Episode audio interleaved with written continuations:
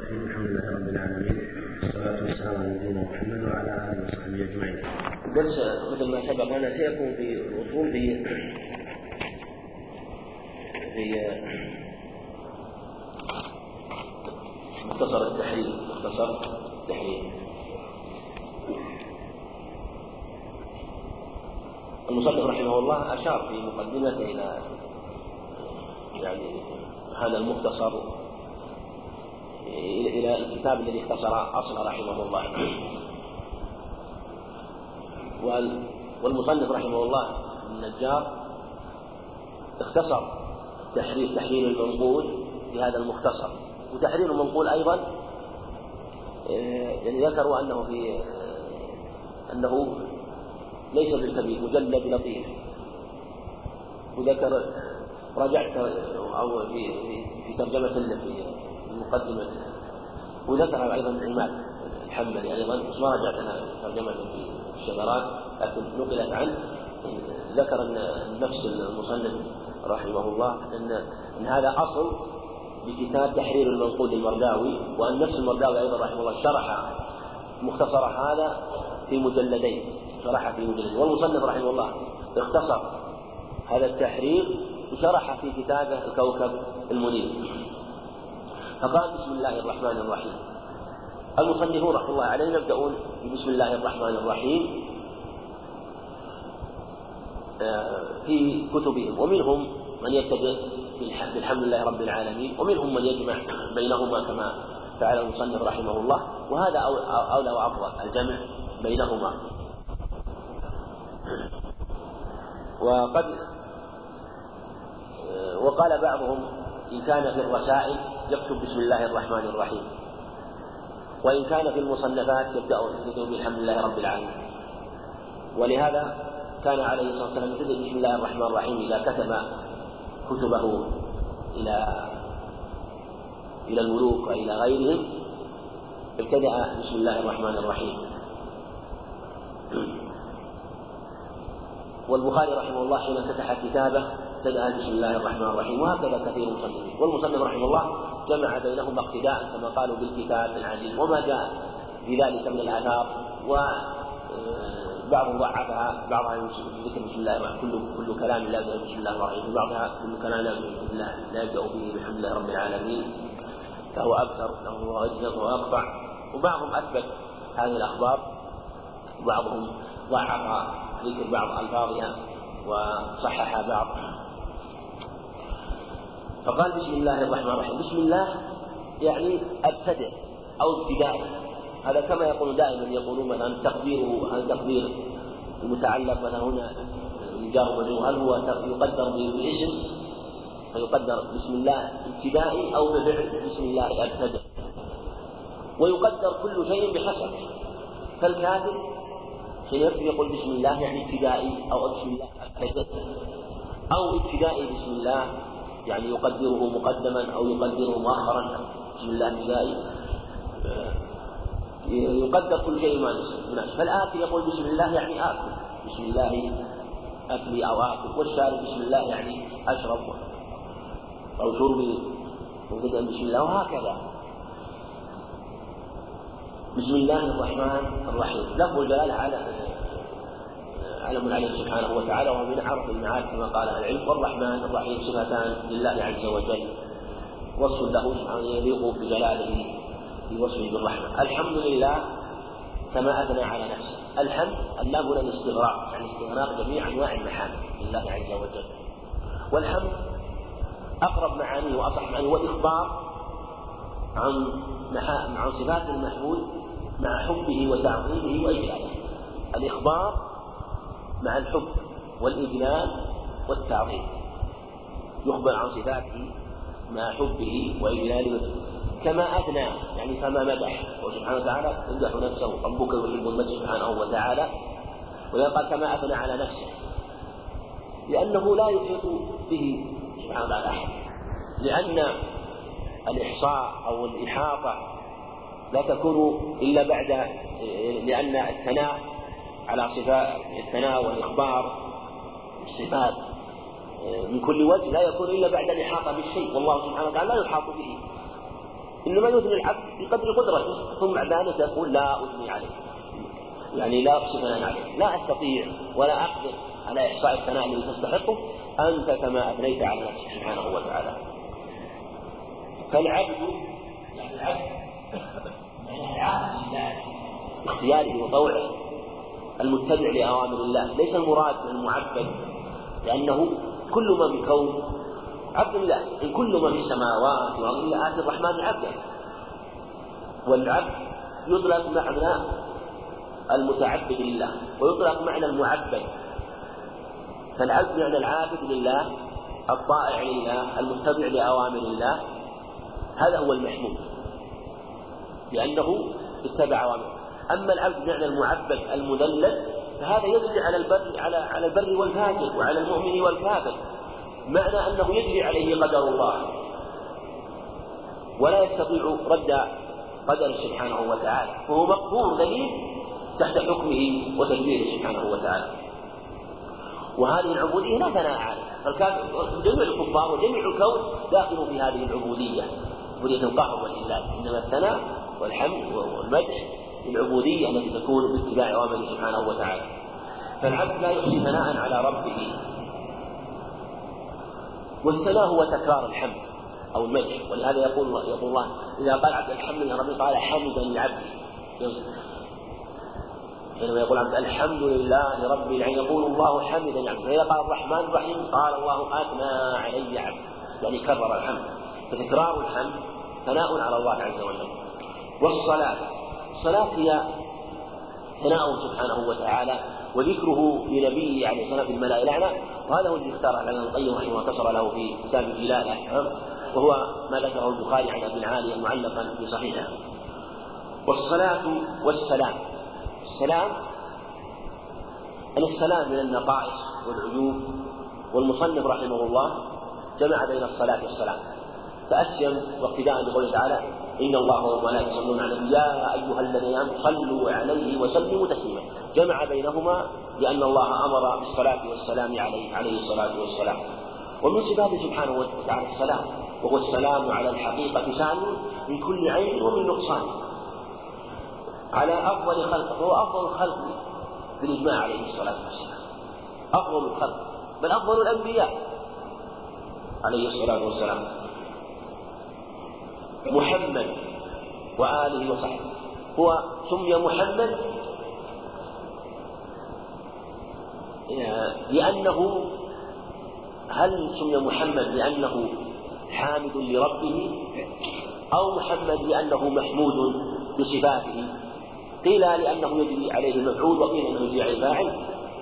وجريان المفعول أولى لأنه يعني محمود لصفاته وشمائله وأخلاقه وهو أبلغ في الحمد وهو أبلغ في المدح لأنه سمي محمد لأنه محمود يحمد لأجل أخلاقه عليه الصلاة والسلام ولأجل شمائله وما عليه من الخلق العظيم عليه الصلاة والسلام. فألهم الله أهله أن يسموه محمدا. وآله آله اختلف فيهم في كل مقام.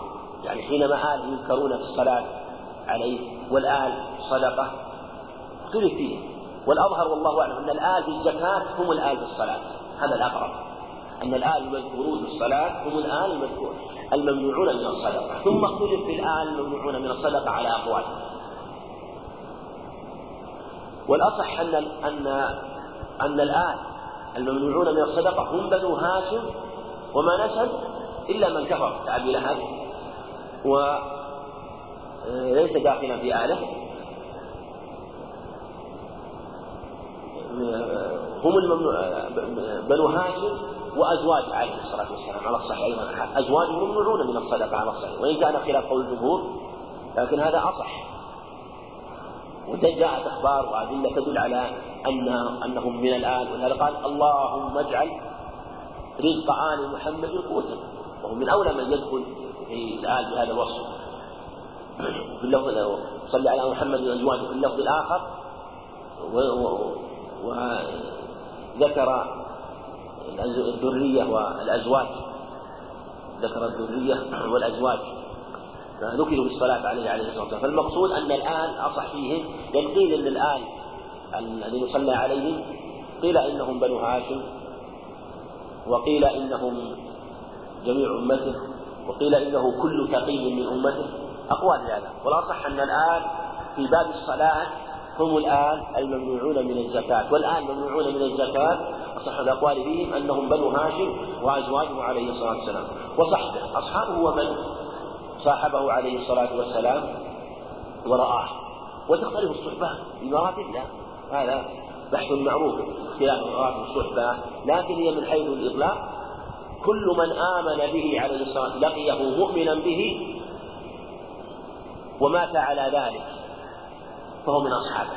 زاد بعضهم ولو تخللت ردة ولو تخللت ردة يعني ثم رجع إلى الإسلام. فالمقصود كل من لقيه مؤمنا به عليه الصلاة والسلام ومات على ذلك فهو من أصحابه عليه الصلاة والسلام. أما بعد أما هذه آه، يؤتى بها الانتقال من كلام إلى كلام وقد كثرت في الأحاديث آه، عنه عليه السلام وذكر البخاري رحمه جملة كثيرة منها. فهذا يعني المشار إليه يعني إن هذا يعني إما أن يكون آه، يعني الذي قدره في ذهنه إن كان لم يكتب إن كان لم يكتب آه، هذه الخطبة يعني لم يعني كان متقدمة على كتابته فأشار فهذا يعني إلى الشيء الموجود في ذهنه وسوف يصدره بقلم. وإن كانت وإن كانت هذه الخطبة متقدمة بعد كتابة الكتاب واختصار المختصر فهذه يعني المشار إليها المكتوب الموجود. فها أو يعني هذا فهذا مختصر. الاختصار الاختصار هو يعني في الغالب يطلق في كلام المصنفين وفي طريقة المؤلفين على اختصار الكتب. يكون في اختصار الكلام. كل من اختصر كلام غيره يسمى آه، مختصر. كثير من المصنفين يختصر كلام غيره.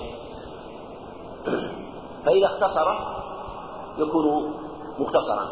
وإن زاد عليه آه، اختصار الألفاظ مع جمع المعاني فهي زيادة ويكون مختصرا ويكون وجيزا.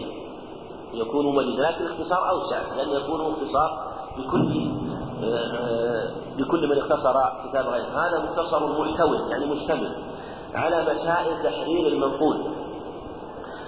تحرير المنقول آه، الذي هو نعم وتهذيب علم الأصول في اصول الفقه. هذا هو الكتاب الذي أشرنا إليه الذي صنفه المرداوي رحمه الله تحرير المنقول. والتح والتحرير يعني التحرير حينما يقال حرر الكتاب أو حرر الكتاب هو التقويم والإصلاح. هذا التحرير التقويم والإصلاح. يعني أنه يقيم شيئا من ألفاظه ويصلح وربما زاد وربما نقص. هذا الأصل أصله في اللغة أصله في التحرير لكن ربما أطلقوا التحرير وأرادوا به ومجرد الاختصار. لأنه قال فهذا مختصر. يعني قال أولا فهذا مختصر. ثم قال وهذا ثم بعدين قال على مسائل. نعم. نعم فهذا مختصر. لا. على مسائل تحرير المنقول. يعني تحرير المنقول هذا ليس من كتابه. كتاب مرقاوي نعم كتاب مختصر تحرير يعني اختصر التحرير يعني إذا كان محررا ثم اختصر يكون أبلغ في التحرير يكون أبلغ في التحرير غالبا المنقول وتهذيب علم الأصول. إذا الكتاب اللي هو الأصل محرر ومهذب. وهذا من أعظم الصفات أن يكون الكتاب محررا وأن يكون مهذبا.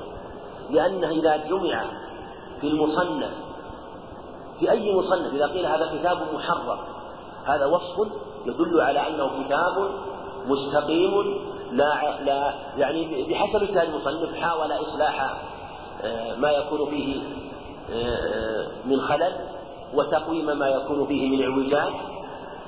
ثم قال وتهذيب علم الأصول التهذيب التنقية والتخليص. فالتحرير أمس بالتقويم والإصلاح والتهذيب أمس بالتنقية والتخليص. لأن المهذب يكون يكون فيه أشياء تشوبه فيكون دوره تنقية ينقي ما فيه مما لا يصلح ويبقي الشيء الذي يصلح فينقيه. وبينهما يعني تقارب وكما يطلق بينهما تقارب ربما تداخل أو تداخل في جزء معين يسمى العموم والخصوص الوجه ربما التقيا في مادة معينة. فالمصنف رحمه الله صاحب العصر حرر كتابه وهذبه من علم الأصول. هذا يدل على اشتماله على فوائد عظيمة. في أصول الفقه أصول الفقه ويأتي كلام المصنف رحمه الله على أصول الفقه ولا جمع الشيخ العلامة علاء الدين المرداوي الحنبلي. المرداوي هذا رحمه الله علي بن سليمان هو صاحب الإنصاف. كتاب الإنصاف هذا من أعظم كتبه رحمه الله.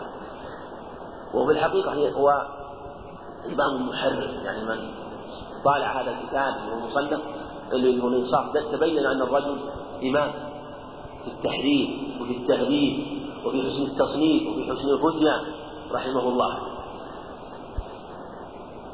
تغمده نعم تغمده الله برحمته تغمده غمره يعني برحمته وعمه برحمته. هذا دعاء المختصر لصاحب التحرير وهذا من حسن الخلق وأيضا لأنه استفاد منه هذا الكتاب واختصر كتابه دعا رحمه الله تغمده الله برحمته وأسكنه فسيح الجنة دعوة ثانية يعني الواسع من الجنات. الفسيح هو الشيء الواسع. وفسيح الجنة. مما قدمه. قول ما قدمه هذا متعلق بقوله بعد فهذا مختصر محتوي على مسائل. ثم بعد المعتمد قال محتوي على مسائل متعلق مما قدم متعلق بمسائل. يعني على مسائل مما قدمه. مما قدمه. أو كان عليه الأكثر من أصحابها. يعني أنه أن صاحب الأصل تحرير المنقول يذكر أقوالا ويقدم بعضها. فهذا المختصر يذكر القول الذي قدمه لأنه يكون أرجح. يذكر الذي قل أو كان عليه الأكثر من أصحابنا حينما يذكر أقوال لكن يقول هذا ولا يقدم شيئا منها لكن يخص أحدها ويقول إنه هو قول أكثر الأصحاب دون أو على أو كان عليه الأكثر من أصحابنا دون الأقوال دون الأقوال الأخرى يعني دون الأقوال الأخرى. إذا هو يذكر يذكر إما ما قدمه أو ما كان عليه الأكثر. خال من قول ثاني. ما يذكر الأقوال الثانية لأنه مختصر. فلهذا اقتصر على قوله. مما قدمه المصنف رحمه الله صاحب الأصل أو بين أن عليه الأكثر إلا لفائدة. ما يذكر إلا لفائدة. والفائدة هذه يقول إلا لفائدة تزيد على معرفة الخلاف. ما يذكر قول ثاني يبين مسألة خلاف؟ إلا لفائدة. وليست الفائدة لأجل أن يبين مسألة خلاف. لا ليس قصد بين الخلاف. إلا إذا كان من ذكر القول الثاني فائدة متعلقة بهذا العلم. إما لأجل بيان أو غيره. ومن عزم مقال إلى من إياه يعني خال أيضا. يعني قوله ومن عزم متعلق بقول خال. يعني هو خال من قول ثاني وخال من عزم مقال ومتى قلت في وجه هذا يبين اصطلاحه رحمه الله يبين اصطلاحه. الوجه هو ما يختاره كبار أصحاب المتبعين لصاحب المذهب الأول. فالأئمة الكبار المتبعين لصاحب المذهب الأول المجتهدين فيه المتبحرين فيه إذا اختار إذا اختار قولا يكون قوله وجها بالمذهب. يكون قوله وجها يسمونه وجه. فالمقدم ومتى قلت في وجه فالمقدم غيره. نعم. أمثلة نعم. كل إمام كبير إذا اختار قول يكون وجها. أو خرج قولا هذا يسمى تخريج على قوله. فالمقدم غيره. إذا قلت في وجه فالقول المقدم في غيره. أو وفي يعني أو على يعني قول يعني أو في قول أو على قول. إذا قال في قول أو على قول فإن المقدم يعني عند الأصحاب هو غير هذا القول. فإذا قوي الخلاف فإذا قوي الخلاف أو اختلف الترجيح أو عندك إذا عندكم فإذا ولا إذا قوية؟ إذا ها؟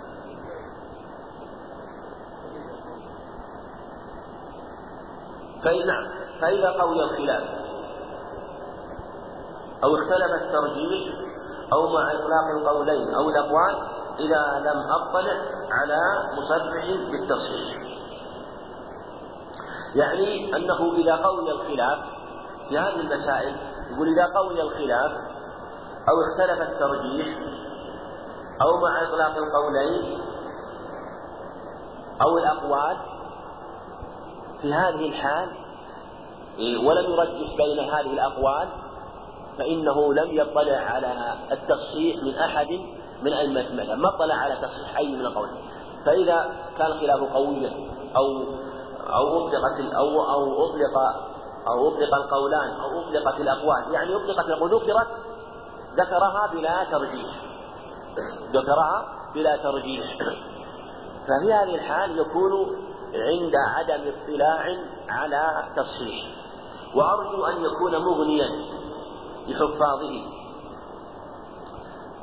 لأنه اختصر رحمه الله من أصل و لعله يكون مغنيا لحفاظه عن سائر كتب الأصول والأخرى المطولة التي ربما بعضها كان تذكر الخلاف أو تذكر خلافا ضعيفا أو لا تعتني مثلا بتحرير الأقوال. فلهذا اعتنى به المصنف رحمه الله حتى يكون مغنيا لحفاظه على وجازة ألفاظه الوجازة هي قلة اللفظ مع كثرة المعنى. ولا يكون إلا إذا كان الكلام من إنشاء القائل يعني الفرق بين الاختصار والإيجاز الاختصار يكون اختصار بالغالب كلاما لغيرك أنت تصرفت فيه بالاختصار والحذف أما الإيجاز فهو من كلامك أنت لكنه اجتهدت في أن يكون قليل اللفظ كثير المعنى. وأسأل الله تعالى أن يعصمني. العصمة هي الوقاية والمنع. من المعاصي والزلل والخطأ. أن يبين صلى لا بأس أن تسأل العصمة. ولا بأس بسؤالها لأنك تسأل لأنها سؤال سؤال تسأل الله أن يعصمك من الخطأ والخطل والوقاية من المعاصي. فلا بأس بذلك. وأسأل الله تعالى أن يعصمني. وفي الحديث أيضا ورد في الحديث أيضا في في دعاء الخروج من المسجد. فإذا خرج قال اللهم افتح لي أبواب فضلك. وإذا خرج اللهم اعصمني من الشيطان. حديث هريرة عند ابن ماجه. قال اللهم يسأل الله لا تقيد بعصم من الشيطان. يقول تعالى واعتصموا بحبل الله. أمر الله بالإعتصام والإعتصام والاستمساك والامتناع بكتاب الله من المعاصي والذنوب. وفي حديث أيضا ورد في حديث المعصوم والعصمة فالمقصود أنه المصنف رحمه الله يقول أن سأل الله أن يعصمه ومن قرأه من الزلل وأن يوفقنا يعني التوفيق والإلهام لطريق الصواب. والمسلمين لما يرضيه من القول والعمل. قال مقدمة هم يذكرون دائما في كتب الأصول يذكرون بعض المقدمات التي تعلقها بالأصول من بعيد لكن مثل ما قلنا كثير من كتب الأصول تأثرت ببعض آه، كتب المناطق وغيره فلهذا لا يدخل في المراد إلا بعد ذلك. نمض على آه، ما ذكروه بحسب ما تيسر حتى نصل إلى المقصود في باب علم الأصول مقدمة. يقال مقدمة ومقدمة. مقدمة من جهة أنها تتقدم الكتاب. بصيغة اسم الفاعل ومقدمة بصيغة اسم المفعول من جهة أن المصنف قدمها بين يدي الكتاب. موضوع كل علم ما يبحث فيه عن عوارضه الذاتية. كل علم له موضوع. وكل مهما من العلوم الشرعية وغيرها.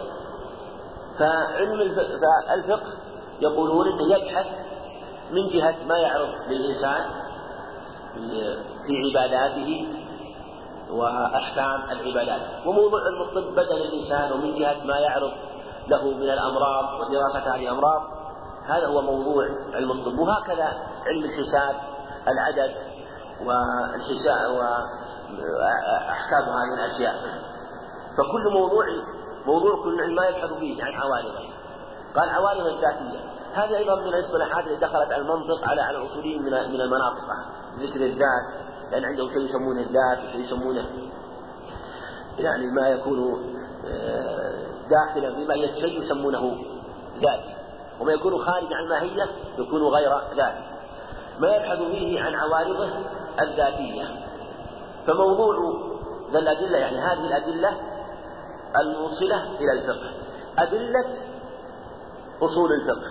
هي الأدلة الإجمالية وهي الكتاب والسنة والإجماع والقياس. هذه أدلة أصول الفقه. فموضوع أصول الفقه هو دراسة هذه الأدلة واستنباط قواعد الفقه من هذه الأدلة الكبار. فلا تستنبط أدلة فلا تستنبط قواعد الفقه وأصول الفقه إلا من هذه الأدلة إلا من هذه الأدلة.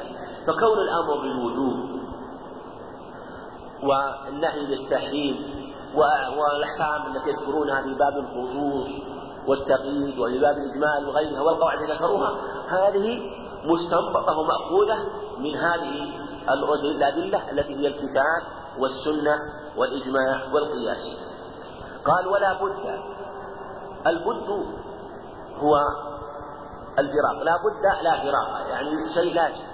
يعني لا بد لا فراق لمن طلب علما. كل من يطلب علما لا بد له من أشياء. وهذا واضح كل من يطلب علما لا بد له من أشياء قبل طلبه لهذا العلم. والطلب يكون معناه البحث عن البغية. ولا بد في الطلب أن يكون عن اجتهاد حتى يصل إلى بغية. فطلب فمن طلب علما لا بد أن يتصوره. قال أن يتصوره. وتصوره التصور هو يعني التخيل الصورة آه، الإجمالية لهذا العلم. ولهذا المصنف رحمه الله وضع هذه المقدمة لأجل أن يتصور طالب هذا العلم هذا العلم.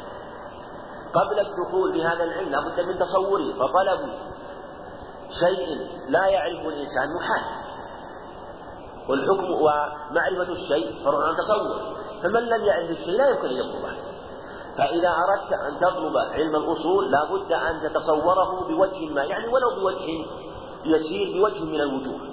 يعرف هذا العلم. ولهذا وضعوا بين يدي الأصول تعريف الأصل تعريف الفقه تعريف أصول الفقه. هذا هو التصور الإجمالي. هذا معنى الفقه.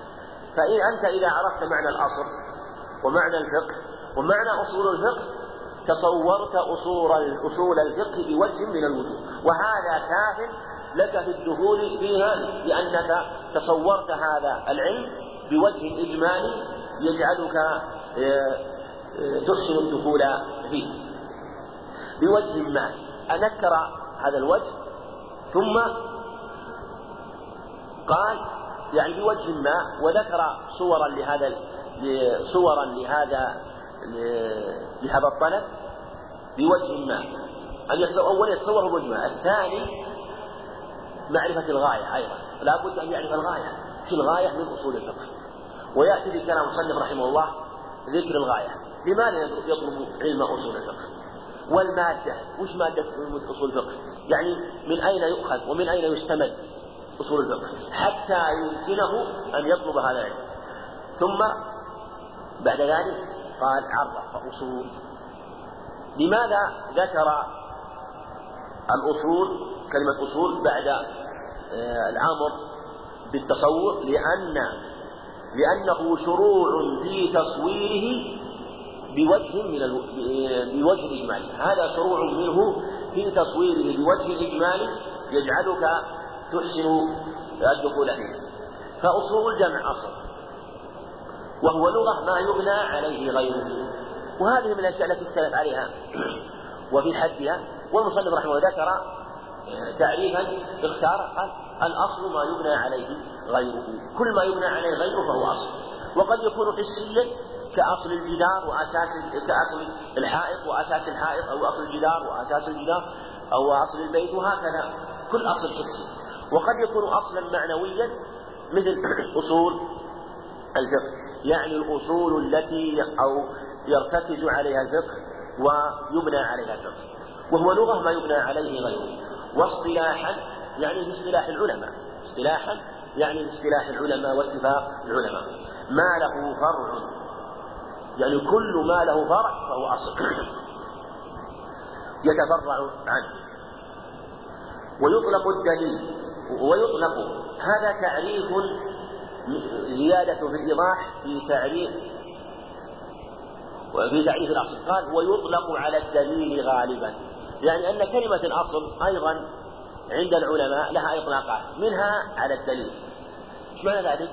حينما يسأل الإنسان عن مسألة يقول الأصل في هذا قول النبي صلى الله عليه وسلم إنما الأعمال بالنيات إيش معنى قولك الأصل في هذا؟ الدليل. هذا واقع في كثير من الكلام. يقولون الأصل الدليل. وهو المراد هنا يعني قولنا أصول الفقه يعني أدلة الفقه. وعلى الرجحان يطلق أيضا الأصل على الرجحان.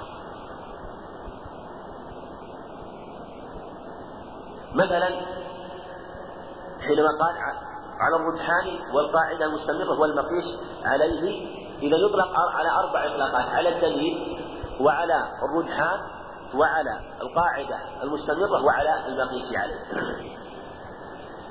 فالرجحان لا أمثلة مثلا مثل ما تقول الأصل براءة الذمة. الأصل بقاء ما كان. إيش معنى الأصل براءة الذمة؟ يعني الراجح أن الذمة بريئة. الأصل بقاء ما كان يعني أن الراجح بقاء ما كان. فترجح هذا. فإذا قلت الأصل كذا تقول أصل براءة الذمة. الراجح عندي حتى يثبت هذا الشيء. وهكذا. وعلى القاعدة المستمرة. يعني تقول أصل كذا يعني القاعدة كذا. مثل قولنا أكل الميتة على خلاف الأصل. يعني على خلاف القاعدة المستمرة. فالقاعدة المستمرة أن أكل الميتة حرام. فأكلها على خلاف الأصل إلا بشرطية والمقيس عليه. هذا في باب القياس. لأنهم عندهم في باب القياس الأصل والفرع والعلة. فهذا في باب القياس أيضا يطلق الأصل على آه، الفرع على الأصل الذي يستخرج منه علة ويلحق الفرع بها. والفقه لغة الفهم. هذا قيل إنه مطلق الفهم. كل من فقه شيئا فهو فاهم فهو فاهم له ولو كان ظاهرا. هذا في هذا بحسب اللغة. بحسب اللغة. كل من فقه شيئا فهو كل من فقه شيئا من فهم شيئا كل من فهم شيئا فهو قد فقه لكن هنا لها اشتقاقات. إذا قيل فقه عندنا فقه وعندنا يفقه فقه وعندنا فقه. فقه معناه فهم. تقول فقهت المسألة أي فهمت المسألة. فقه غيره سبق غيره إلى الفهم أما فقه بالضم ولذلك تجد الضمة فيها امتلاء بالفم كأنها أوسع حتى في اللفظ فقه يعني تملأ الفم. وهذا يدل يدل على أنها أيضا في الغالب يتلازم المعنى والمبنى. وكلما كان المبنى أكبر كلما كان المعنى أكبر. ففقه بالضم صار فقيها يعني صار الفقه له سجية. وهذا هو الاصطلاح عند الفقهاء حينما يقال فلان فقيه يعني أنه فقه وصار فقيها أو صار الفقه له سجية وهو إدراك معنى الكلام. فسره بمطلق الفهم. كل كل فهم يسمى فقها في اللغة وشرعا معرفته من جهة الشرع. من جهة الاصطلاح. جهة اصطلاح الفقهاء. يعني هذا اصطلاح حادث وخاص يعني اصطلحوا على تسمية الفقيه. قال وشرعا معرفة الأحكام الشرعية الفرعية بالفعل أو بالقوة القريبة هذا هو الفقيه. معرفة الأحكام الشرعية الفرعية بالفعل أو بالقوة القريبة أو هذا هو الفقيه. معرفة الأحكام الشرعية.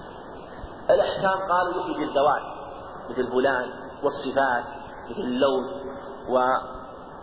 والأفعال مثل الحركة لأنها لأنها الأحكام الشرعية التي يتعرض لها في الفقه بالحل والتحريم والإباحة والوجوب وما يتفرع عليها من من أحكام الفقه بحسب الأدلة. معرفة الأحكام الشرعية يعني بحسب استنباط هذه الأحكام الخمسة من الأدلة. استنباط الأحكام الخمس الأحكام هذه من أدلة الشرع من تحريم أو غيره أو إيجاب. يعني التحريم والإيجاب والاستحباب والكراهة والإباحة استنباطها ومعرفتها بحسب تفاريع مسائل فهي معرفة الأحكام الشرعية. الشرعية لأجل يخرج الأحكام العقلية. الفرعية المرادفة يخرج غير الفرعية مثل أحكام الاعتقادات.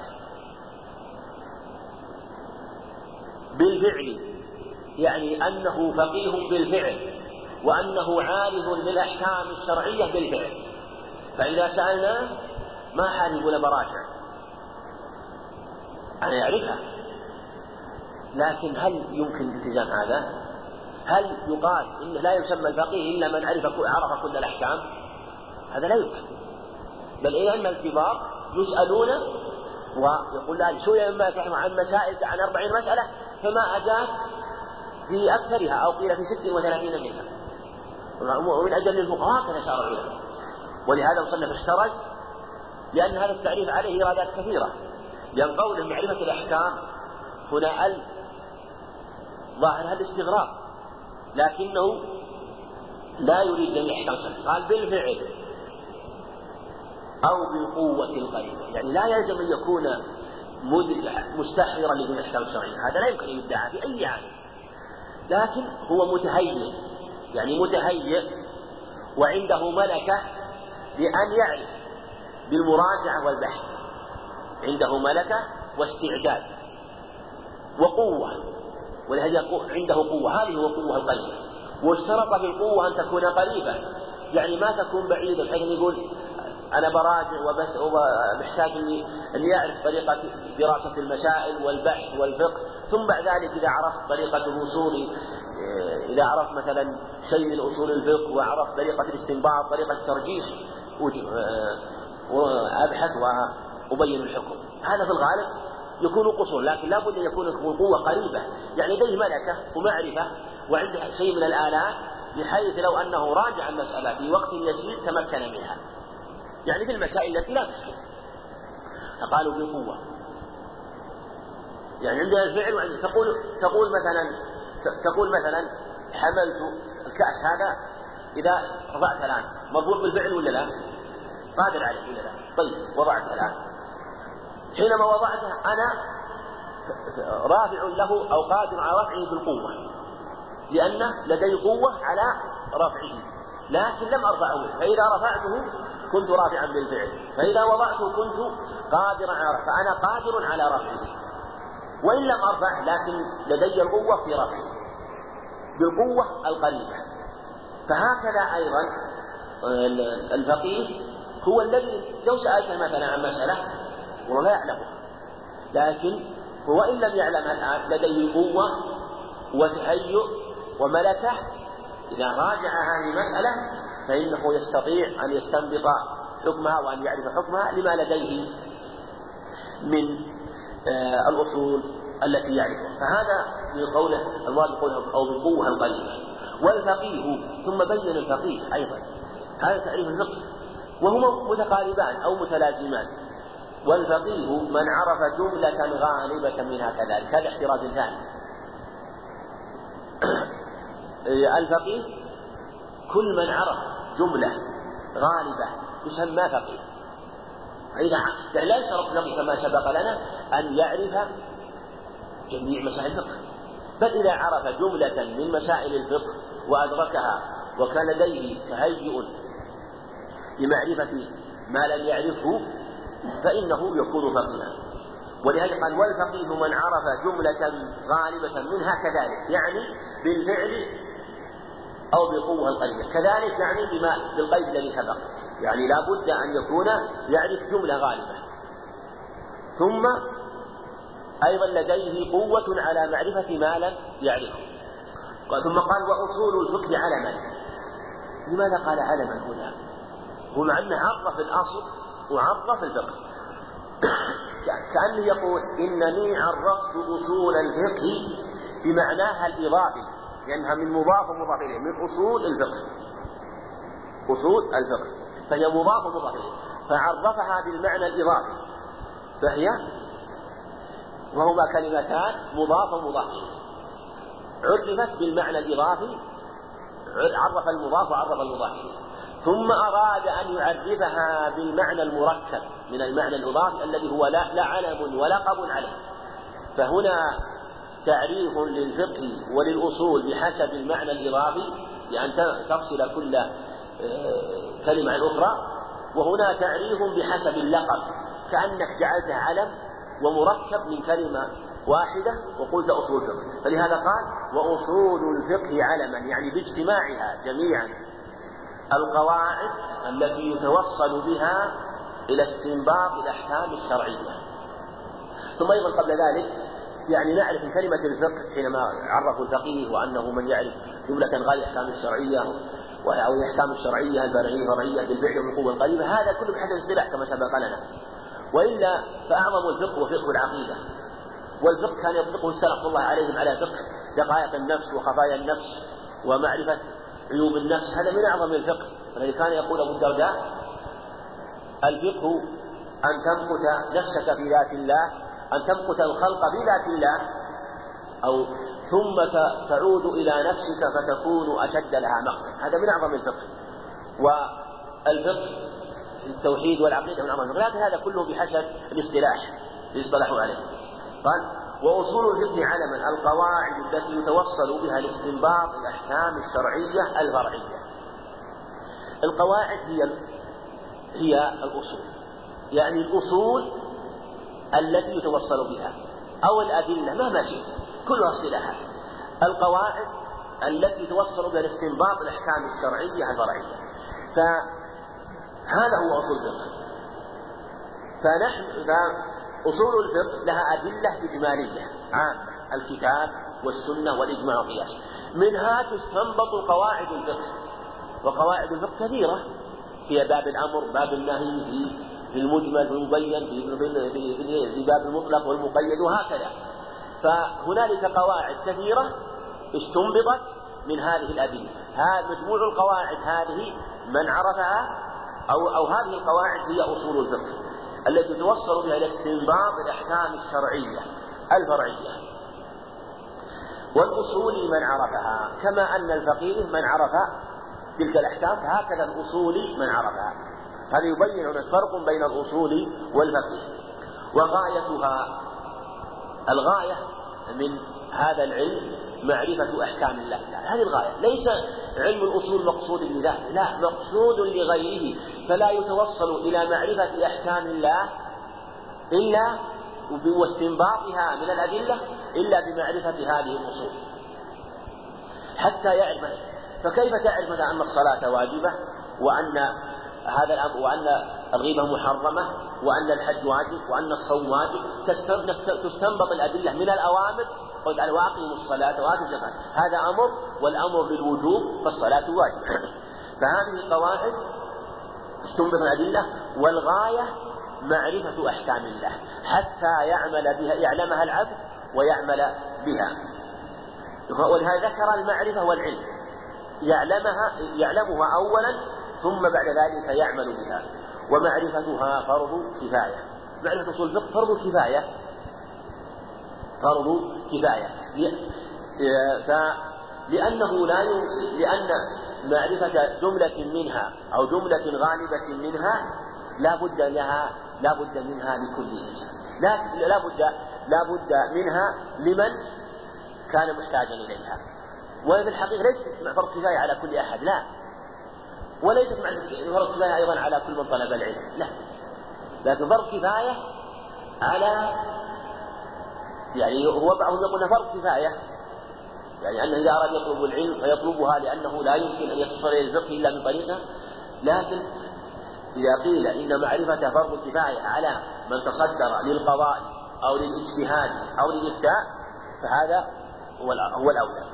فمن تصدر في هذه الأمور فيحتاج إلى معرفة جملة من قواعد الفقه من قواعد الفقه والتي هي أصول الفقه. فلا بد أن يعرف شيئا منها بها يتوصل إلى معرفة أحكامها والأولى تقديمها يعني تقديم أصول الفقه على الفقه يعني الأولى لطالب العلم أن يدرس أصول الفقه أول ثم الفقه ثاني.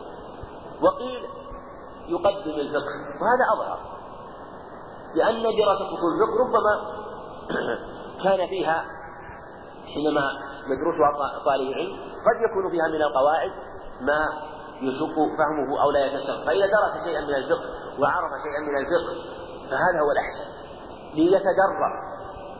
فدراسة الفقه أو دراسة شيء من الفقه فيتدرب على كلام العلماء وعلى اصطلاحاتهم وتمر هذه الاصطلاحات عليه ويعرفها. ثم بعد ذلك بعد التدرب يدرس في الفقه يكون أسهل له وأيسر لدراسة أصول الفقه. قال ويستمد يعني أصول الفقه من أصول الدين. والعربية وتصور أحكام. هذا قيل يستمد من هذه الأصول وقيل أنه يستمد من حيث الجملة من الكتاب والسنة من قوله عليه الصلاة والسلام تعرف أصول الفقه آه، بها آه، يعرف آه، تعرف هذه الأصول وهذه القواعد وهذا الكلام لا شك أنه راجع إلى الكتاب والسنة وهما الأصل في الحقيقة الذي يستمد منه كل شيء. هما الأصل الذي يستمد منه كل شيء ويستنبط من هذه الأصول ومن ثم آه، تترتب عليها أحكامها والله أعلم نعم كيف؟ إيه؟ إيه نعم